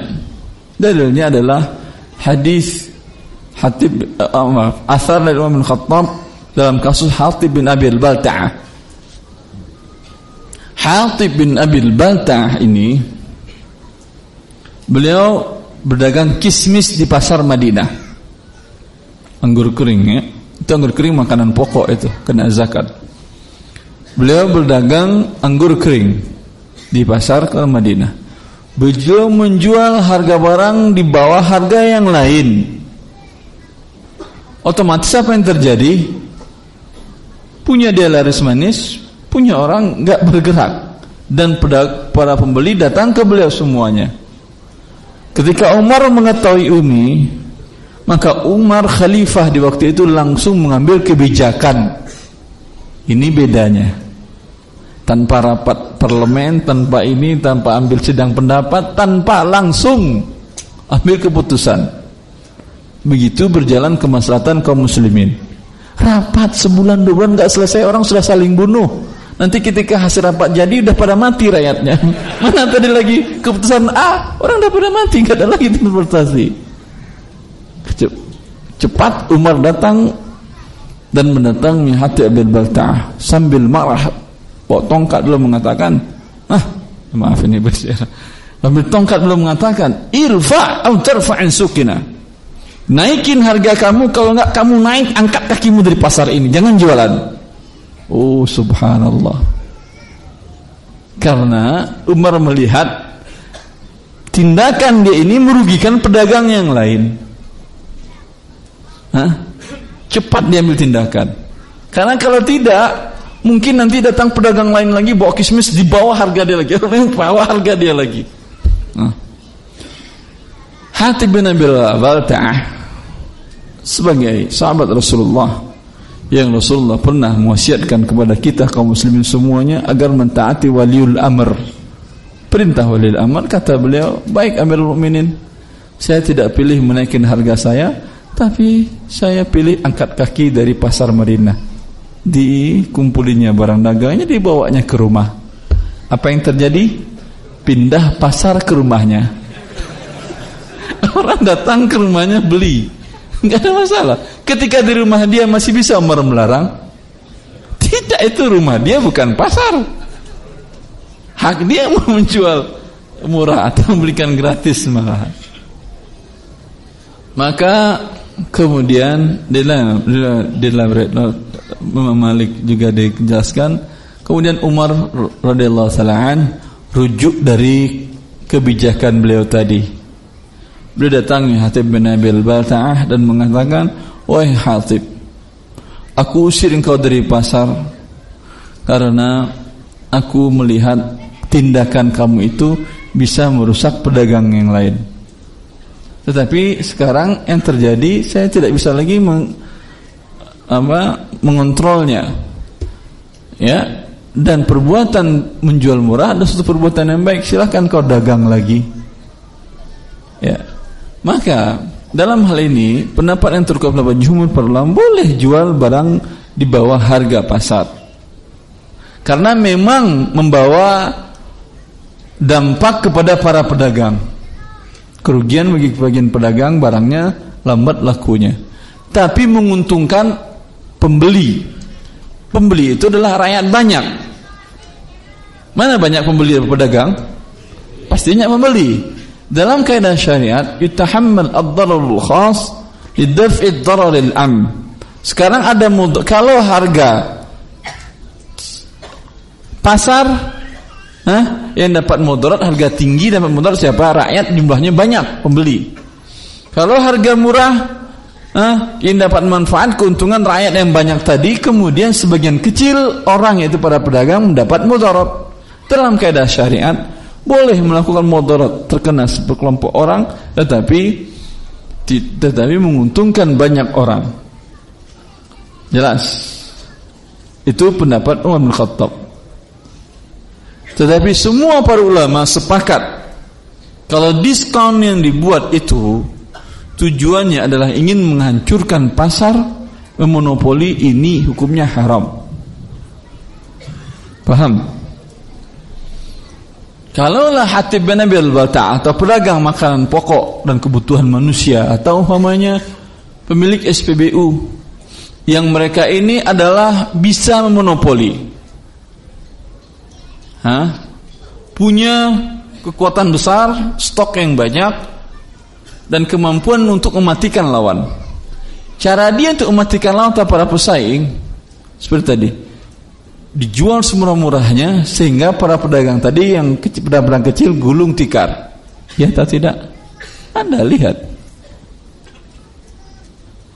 Kemudian setelah para pedagang itu gulung tikar, dia nggak masalah bagi dia rugi di awal. Hah? Rugi dia dari awal nggak ada masalah. Tetapi kemudian setelah orang gulung tikar, dia akan taruh harga semau maunya dia untuk menutup kerugian yang tadi. Ini haram hukumnya. Memberikan mudarat kepada kaum muslimin. Sebagaimana dia merugikan manusia, semoga Allah rugikan dia dunia akhirat. Tapi kalau tujuannya tadi ingin harga murah dan ketika dia turunin harga otomatis para pedagang tadi atau dia tidak pedagang besar, pedagang biasa aja. Hah? Dijual harga murah nggak ada masalah karena orang beli 5000 orang habis itu habis barangnya. Kembali lagi barang lain normal. Dia dapat pahala karena menjual lebih murah sama dia bersedekah dengan sebagian dari harganya. Faham ini? Eh, Allah barik. Assalamualaikum warahmatullahi wabarakatuh. Assalamualaikum. Uh, ini Ustaz, saya masih bingung mengenai syarat untuk jual beli termasuk dalam hal ini dijual beli online. Ya. Tadi kan syarat pertama itu harus barang dimiliki. Terus yang kedua ini yang saya permasalahkan barang itu dimiliki atau diwakilkan oleh pemiliknya untuk dijualkan. Tak syarat wakil-wakil itu tidak ada bayar dulu baru dikirim barang ya, seperti yang saya jelaskan tadi terus nah yaitu yang saya masih pertanyakan itu mengenai tentang barang itu harus saya miliki dulu itu bagaimana tat Uh, tadi, Anda dengan supplier kenal atau tidak? Uh, enggak. Enggak. Kalau enggak, mau enggak dia barang dikirim dulu uang nanti nanti? Tentu tidak, karena ini enggak kenal Anda. Berbeda dengan kasus yang tadi. Kalau kasus yang dia adalah temannya, bisa kan bayar nanti nanti kan ya? Berarti kalau harus bayar di depan, akadnya Anda dengan dia jual beli bukan keagenan. Kalau akadnya jual beli, berarti Anda menjual barang yang belum Anda beli. Walaupun sudah dibeli belum diterima. Termasuk nggak dalam larangan hadis Hakim bin Hizam tadi? Uh, kalau kasusnya itu seperti ini, misalnya gini, saya uh, ya. saya menjualkan barang seseorang di website, gitu. Contoh hmm. saya buatnya marketplace, gitu. Hmm. Nah orang tersebut misalnya barang taruhlah berat uh, beras itu harga sepuluh ribu misalnya gitu. Hmm. Kemudian di saya saya naikkan jadi dua belas ribu. Ya. Tanpa saya barang saya barang tersebut saya saya terima dulu gitu di di Tanpa gudang terima saya. Dulu, langsung kirim ke langsung kirim pembeli. ke nanti pembeli. Nanti pembeli sistemnya bayar ke saya dua belas ribu. Uh, itu saya bagi hasil sama si si si penjual beras yang awal tadi karena saya udah menjualkan ke konsumen saya dapat dua ribu si penjual dapat sepuluh ribu begitu tadi. Uh, uang nanti boleh? setelah barang dikirim dulu. Uh, uang dahulu baru nanti kirim barang. Itu dia permasalahannya. Kalau uang dulu barang nanti nanti setelah barang dikirim, berarti Anda terima uang dari pembeli Anda, ya atau tidak? Ya. Hah? ya. Jumlahnya umpamanya 11 juta. Umpama. Lalu Anda kirim ke si pemilik barang 10 juta 500 karena harga barang dia 10 juta. Ya. Ya atau tidak? Ya. Barang di mana baru tempatnya sekarang posisi barang di si supplier penjual, tidak ada yang bergerak. Berarti Anda bukan jual barang. Terima uang 10, 11 juta di sini, kasih 10 juta 500, dapat 500 ribu. Tukar uang dengan uang, ya atau tidak? Iya. Iya, itu namanya riba. Iya kan tukar uang dengan uang bukan barang. Jadi uh, seharusnya barang saya kirimkan dulu gitu Tat, baru dia transfer. Atau bagaimana itu? Solusinya, solusinya Tat. Kalau saya kirim dulu kan nanti banyak solusinya. Pertama, kalau orangnya kenal selesai urusannya dengan yang tadi.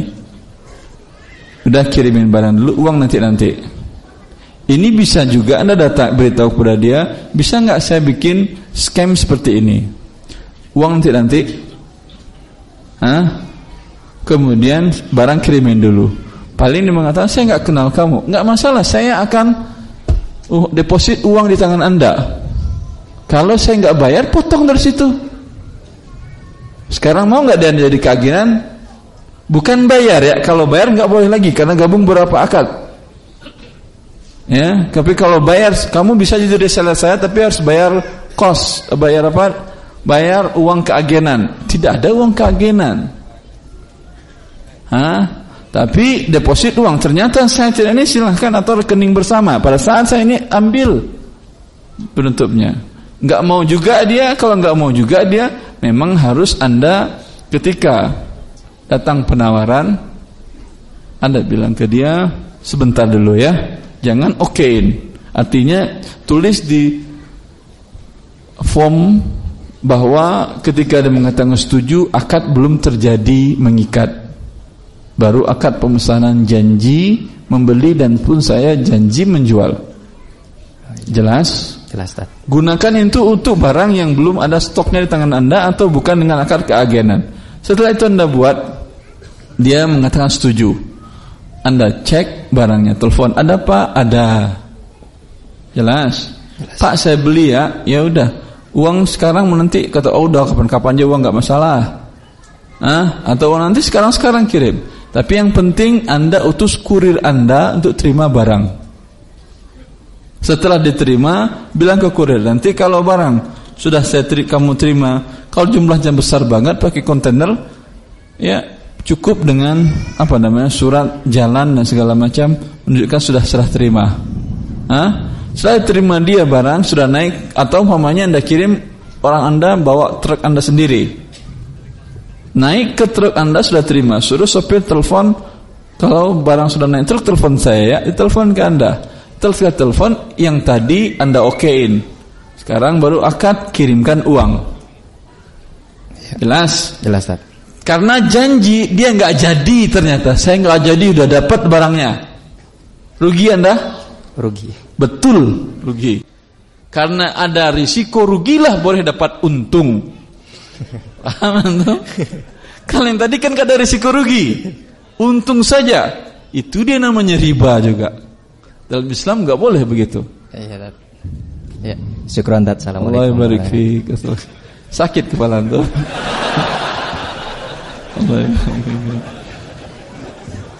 Enggak mudah agama Allah diturunkan oleh Allah untuk memudahkan hidup kita, bukan untuk mempersulit hidup kita. Wa ma ja'ala 'alaikum fid dini min haraj. Allah tidak menjadikan dinnya ini untuk membuat kita susah. Silakan Ibu. Assalamualaikum Ustaz. Assalamualaikum Bagaimana ah, jika dalam kita jual... sampai jam 3 kali ya. 3 seperempat sholat. Seperempat jam buat siap-siap mau sholat. Jam 3 insya Allah. Setengah jam. Silakan Ibu. Bagaimana jika dalam jual beli online uang telah ditransfer ke penjual, tapi kondisi barang penjual diberi Penjual atau pembeli, Bu? Penjual. Uh, sayanya pembeli. Uang sudah transfer maksudnya? Iya, sudah ditransfer ke penjual. Ke penjual. Iya, ke ah. penjual. Ah. Tapi kondisi sudah ditransfer penjual. Ah. Tapi kondisi barang yang diberikan itu nyicil. Misalnya saya beli 100 kodi tapi yang di, udah ditransfer uh, uangnya sebanyak 100 kodi tapi dikirim ke saya baru 50 kodi 50 kodinya nanti minggu depan gitu karena belum diproduksi lagi. Itu bagaimana hukumnya Ustaz? Harganya sama atau lebih murah? Sama. Eh, tapi dikirim barangnya nyicil. Boleh, tapi bu rugi. Iya karena kan? stoknya nggak ada. Uang cash di depan, barang belakangan itu lebih mahal atau sama atau lebih murah? Sama. Enggak biasanya, biasanya di pasar Ibu beli tiket berangkat hari ini. Ibu beli tiket berangkat 10 hari lagi, sebulan lagi. Sama harga atau lebih murah yang mana? Lebih murah yang berangkat seminggu lagi, dua minggu lagi, tiga minggu lagi. Semakin panjang rentang waktunya semakin murah. Ya atau tidak? Kalau sama saja ini namanya pembodohan. Uang bisa Anda gunakan. Coba lihat. Uang seminggu tadi bisa diputar. An, berpikir bodoh saja, berpikir haram. Taruh di bank saja, ada bunganya apa tidak? Hah. Apalagi kalau Anda putar dalam bentuk usaha real. Akan banyak keuntungannya ini. Lalu harganya sama. Ini namanya kan bodoh. Dia sudah untung dapat uang Anda, kemudian Anda tidak dapat keuntungan harga murah. Dalam Islam ada namanya akad salam, uang cash di depan, barang terima nanti, tapi harga berlebih murah. Sudah dibuat di masa Rasulullah, seperti kata Ibn Abbas, para pedagang di kota Madinah membuat akad salam, uang cash hari ini, terima barang korma setahun lagi, musim panen tahun depan. Kadang dua tahun, kadang tiga tahun. Kenapa mereka lakukan akad itu? Pertama, kepastian ketersediaan barang. Pada waktu itu mereka punya barang. Kedua, dapat harga lebih murah. Ya atau tidak? Dia kebalikan dari jual beli kredit tidak tunai. Barang duluan, uang belakangan sama atau lebih mahal? Pasti lebih mahal. Kalau sama, alhamdulillah. Beli rumah harga 100 juta, cicil sama 10 tahun, harganya sama dengan cash. Ada yang mau beli cash? Ada orang yang bodoh. Ya, ya. Beri cash 100 juta, nyicil 10 tahun juga 100 juta juga. Hah? Pasti nggak ada orang beli cash. Cuma yang bodoh-bodoh tadi itu beli cash ya. Hmm. Ya dia pasti akan nyicil dia belinya. Karena uang yang tadi berarti untuk tahun ini dia paling bayar 10%. 90%-nya kan bisa diputar. Untuk bulan ini ibu cuma bayar dia satu persen, sembilan persen bisa diputar, dapat keuntungan banyak. Ya atau tidak? Ini dia yang pedagang. Tapi kalau beli sama tunai dengan tidak tunai sama harganya, ini bukan pedagang namanya. Orang bodoh atau ingin sedekah dia. Allah barik fikum. Yang langsung, yang kertas ya. Apakah ini riba? Tidak. Orang yang mengatakan ini riba, ini cara berfikirnya sama dengan jahiliyah Quraisy. Serius saya. Coba lihat dalam firman Allah Subhanahu wa taala, qalu innamal bai'u mislur riba. Orang-orang jahiliyah Quraisy mereka berkata jual beli itu sama dengan riba. Langsung dibatalkan oleh Allah hujah mereka perkataan mereka. Dengan perkataan Allah wa ahallallahu al-bai'a wa harrama riba kata Allah. Allah halalkan jual beli Allah haramkan riba. Sekarang saya tanyakan bagaimana mereka orang Quraisy itu bisa mengatakan jual beli sama dengan riba? Apakah jual beli tunai pasti tidak tapi jual beli tidak tunai yang lebih mahal daripada yang tunai tapi tidak ada denda keterlambatan Ketika Allah menghalalkan jual beli, umpamanya orang yang orang Quraisy itu berpikir seperti ini. A butuh rumah, cash harga 100 juta. Lalu A pinjam uang kepada B. B pinjamkan saya 100 juta. Saya ingin beli rumah cash. Ya udah tahu. Kamu bayar berapa lama? Saya nyicil kamu 10 tahun. Ya. Saya nyicil kamu 10 tahun. Ya bo taib, boleh. Nanti kamu bayar semua jadi berapa? 100 juta juga. Mau nggak si B? Nggak mau, kecuali dia mau sedekah. Kata dia, eh udah pertama 10% setahun kali dua 100% berarti kamu nanti bayar semuanya 200 juta. Setelah selama 10 tahun baik nyicil maupun cash 200 juta. Ini halal atau haram? Kenapa? Riba pinjaman. Ada pertama 100 juta imbalan pinjaman kot. Kalau dalam bentuk jual beli tidak tunai, A langsung datang kepada C yang punya rumah. Lalu A bilang, Pak C, Pak C, Pak C misalnya, ini saya nggak mampu bayar tunai. Kalau tunai saya tahu harga 100 juta, tapi saya nggak mampu Pak C. Ya udah, kamu mampunya berapa nyicilnya? Hah? 10 tahun Pak Cik. Ya udah, kalau gitu harga juga 100 juta buat kamu ya. Boleh nggak ini? Boleh. Tapi Pak C ini dapat untung nggak nanti dia dagang? Enggak, karena semuanya nggak ada bayar hari ini. 10 tahun bayarnya lagi. Kan sama harganya kan? Ada nggak orang mau masih mau bayar tunai? Tentu tidak ada kecuali yang bodoh tadi. Paham antum? Nah, tentu Pak C mengatakan, ya udah sebentar. Kalau kamu bayar 10 tahun, saya jual harganya dengan ah 200 juta rupiah. Terlambat saya nyicil ada ada, ada pertambahan nggak Pak C? Tidak ada, itu riba, saya tahu riba. Tapi kamu bayar 200 juta dengan cicilan sekian per bulannya. Hah? Boleh atau tidak? Boleh, tapi kata orang jahiliyah kan sama. Jual beli tidak tunai kamu 100 juta pertambahan, riba juga sama-sama 100 juta. Ya atau tidak? Kalau jual beli kamu halal, riba juga halal kata si Quraisy tadi. Maka orang yang berpikir sama dengan itu cara berpikirnya tidak berbeda dengan Quraisy. Allah langsung bantah, enggak sama kata Allah. Yang ini uang dengan uang, riba kata Allah. Yang ini uang dengan barang jual beli halal kata Allah. Jelas. Nas Quran ini bukan ijtihad Erwandi, bukan. Nas Quran dan kesepakatan ijma' para ulama seluruh dunia. Keputusan dari Oki bisa Anda baca di buku Harta Haram. Bahwa dibolehkan menjual seluruh fatwa Syekh bin Bas rahimahullah mengeluarkan fatwa ketika ditanya tentang jual beli tunai beras lebih ma eh, tidak tunai lebih mahal beliau jawab boleh jual beli motor tidak tunai kendaraan mobil dan lebih mahal beliau boleh Hah? Nas dari Dewan Fatwa Internasional mengatakan boleh menjual tun tidak tunai lebih mahal dari yang tunai. Jelas cukup jelas ini. Tadi sampai di mana? Ini tadi ya. Hah? Kertas tadi ya. Fadal bismillah.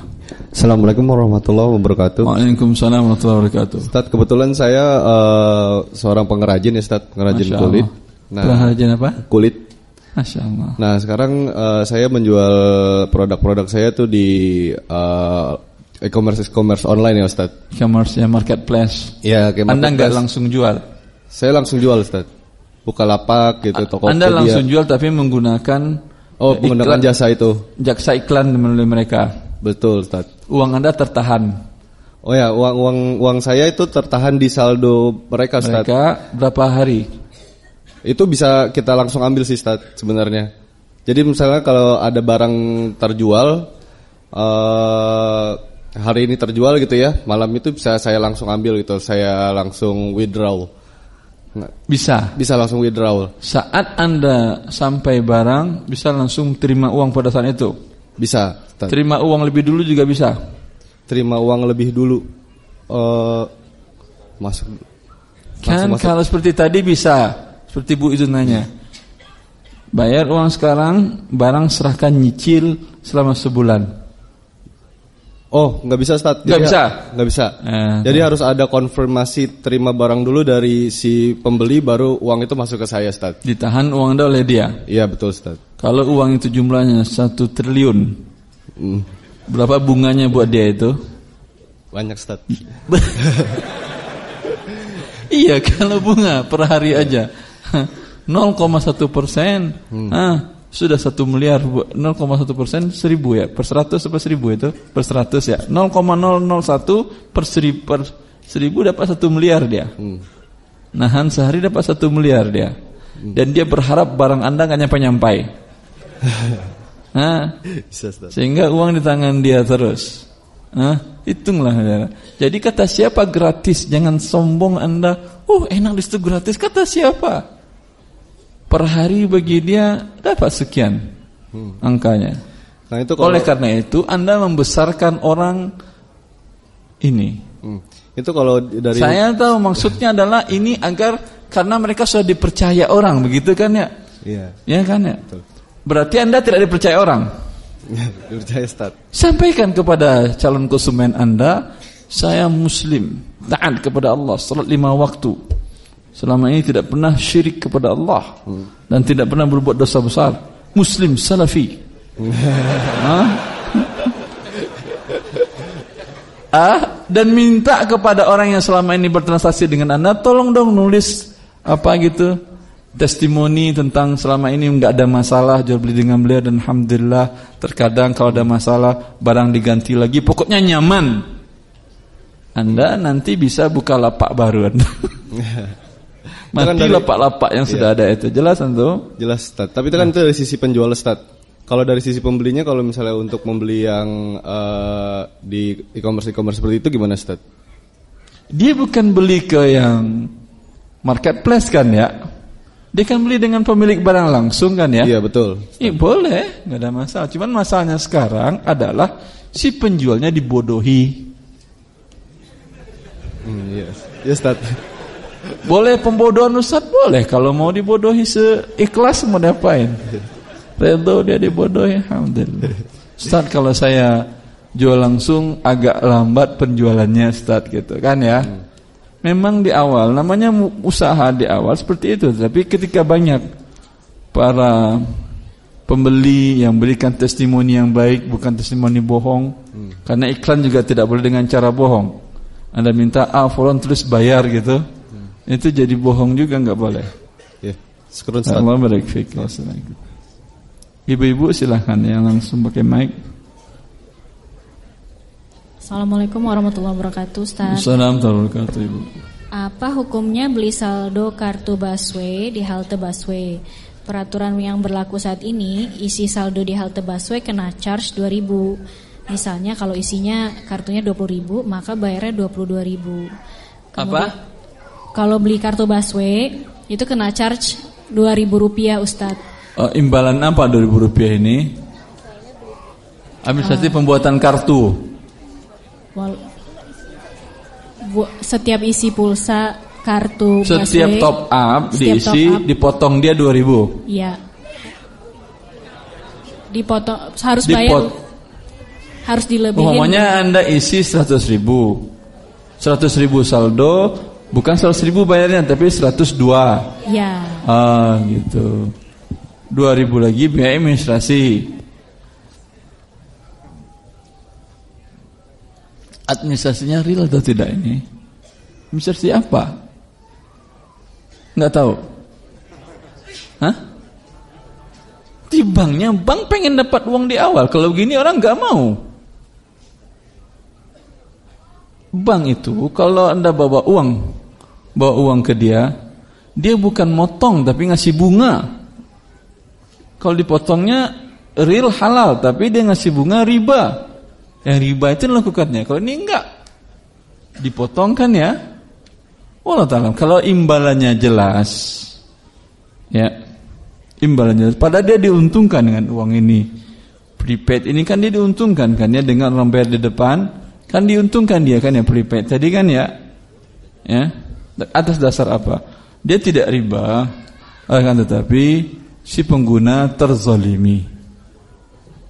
Kalau umpamanya pengguna merasa diuntungin dan merasa tidak masalah lah dizolimi 2000 nggak masalah. Ya? Ya itu jangan-jangan dipotong jajan anak. Karena ibu dipotong orang hari ini jajanmu dipotong juga 2000 oh ya baik fik jelas ya sekarang yang dari kertas Bolehkah bekerja di Bursa Efek Indonesia? sebagai IT. Deskripsi pekerjaan membantu dalam pe, apa ini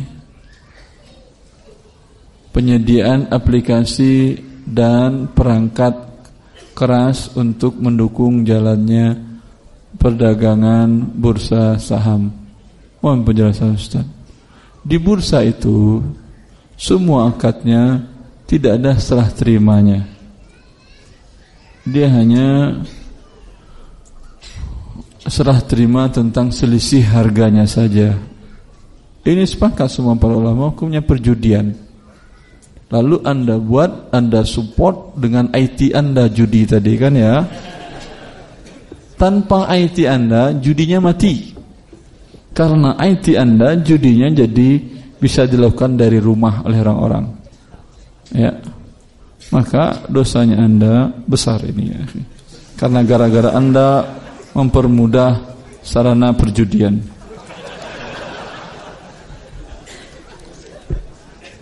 Fadal yang langsung. Assalamualaikum Ustaz. Assalamualaikum warahmatullahi Jadi Ustaz kalau sebelum daftar universitas itu kan ada biaya pendaftaran. Misalnya yeah. 250 ribu uang administrasi. Terus kalau misalnya kita eh kita nggak tahu dulu nih untuk apa uang sebesar itu 250 ribu. Ya ada. buat kertas, buat yeah. karyawannya nungguin Terus kalau Ustaz kalau nggak datanya nggak datanya nggak bareng-bareng kan? Walaupun bareng-bareng gaji terima orang tuh berapa bayarnya itu? Kalau nggak diterima Ustadz, uangnya nggak kembali Ustadz. Ya tentulah, mereka ada duduk di sini. Nerima Anda ngisi formulir kan dia minta uang lagi. Nggak digaji mereka di sini. Uh, Mas Ustadz, kalau yang kedua Ustadz, eh. jadi universitas saya sekarang itu saya uang BPP pokok itu ada Uang apa? Uang BPP pokok. BPP pokok apa? Jadi uang administrasi juga di dalam pembelajaran itu selama satu semester Bukan gitu, uang kuliah. Ya uang kuliah seperti itu. Uang kuliah terus. Jadi ada waktu waktu-waktu tertentu misalnya dari bulan Januari sampai bulan April gitu Ustaz diboleh ya. cicil. Boleh nyicil. Ya, jadi apa? Jadi kita belajar dulu nih Ustaz baru bayar belakangan. Bayarnya belakangan apa apa seperti itu boleh Ustaz. Ya, kalau terlambat ada denda. Enggak. Eh, ada Ustaz, ada. ini universitas riba ini. Tapi biasanya kalau Iya prinsipnya riba tahu saya. Iya. Kalau di spam saya Ustaz. Spam Jadi apa? kita ngajuin diri nih, saya misalnya kurang apa? Kurang mampu. Ma, iya kurang mampu bisa di bisa dipanjangin lagi waktunya seperti itu. Dengan dengan pertambahan dipanjangkan iya. lagi. I, riba bertambah ya. Ini dia riba jahiliyah anzirni azidka. Beri masa tenggang saya tambah hutang. Terlambat satu bulan utang sekian, terlambat tiga bulan tambah utang. Itu dia riba dari zaman jahiliyah Quraisy. Universitas Quraisy dengan Jadi solusinya gimana Ustaz? Siapa yang menyuruh Anda kuliah di universitas riba? Pernah Allah nyuruh Anda kuliah di situ? Hah? Nggak ada Allah nyuruh universitas riba. Untuk menjadi Anda yang inginkan kuliah itu apa? Inginkan kehidupan yang nyaman, ah, kemudian terjamin masa depan anak-anak dan istri. Iya atau tidak? Artinya ujung-ujungnya harta. Iya atau tidak? Apakah cari harta dengan kuliah salah Anda cara berpikir? Cari harta bukan dengan belajar. Ya. Ada salah seorang teman Masya Allah Semoga Allah menjaga beliau terus di semester 5 dia minta ke orang tuanya, "Pak, saya mau kawin." Enggak kuat hidup di daerah sini karena subhanallah godaan berat. Pak, dulu Bapak kirim untuk satu anak, sekarang anak Bapak dua. Satu anak asli, satu mantu. Bapak tolong kirim beasiswa dua uang saku dua kali ya. Kata bapaknya, kalau kamu jadi kawin, saya putuskan uang kamu juga. saya nggak kirim uang lagi. Karena dia merasa ini memberatkan hidup dia dan harus menyelamatkan diri dia dari dosa besar, dia tetap nekat nikah. Laki-laki kan boleh nikah tanpa izin orang tua boleh kan ya? Nikah dia. Hmm. Nikah setelah nikah sibuk dia berusaha berbisnis mencari menghidupi diri dan anak-anaknya dan istrinya. Walhasil dia kuliah di universitas teknologi terkenal di Indonesia. Walhasil gagal S1-nya dapat, sarjananya gagal. Tapi sekarang dia tinggal di kota 1000 kilo jarak dari Jakarta, perusahaannya di Jakarta, eh, datang ke perusahaan dia sekali sebulan ngambil uang saja. Kerjaannya tidak ada, hanya ngontrol perusahaannya saja. Kaya raya. Saya bilang, Alhamdulillah antum keluar dulu dari universitas itu. Kalau enggak mungkin saya dengan teman-teman yang lain. Cuman gaji 10 juta, 15 juta. Kalau dia bisa meraup 100 juta per bulan 200 tergantung penjualannya. Terkadang perusahaan terkadang bisa satu miliar sebulan. Hah? Anda mau jadi sarjana atau mau jadi orang kaya? Jelas? Allah Ustaz. Baik. Sesuai dengan persyaratan. Al-muslimuna ala syurutihim kaum muslimin telah persyaratan persyaratan kita jam jam 3 Subhanakallah bihamdika asyhadu an la ilaha Assalamualaikum warahmatullahi wabarakatuh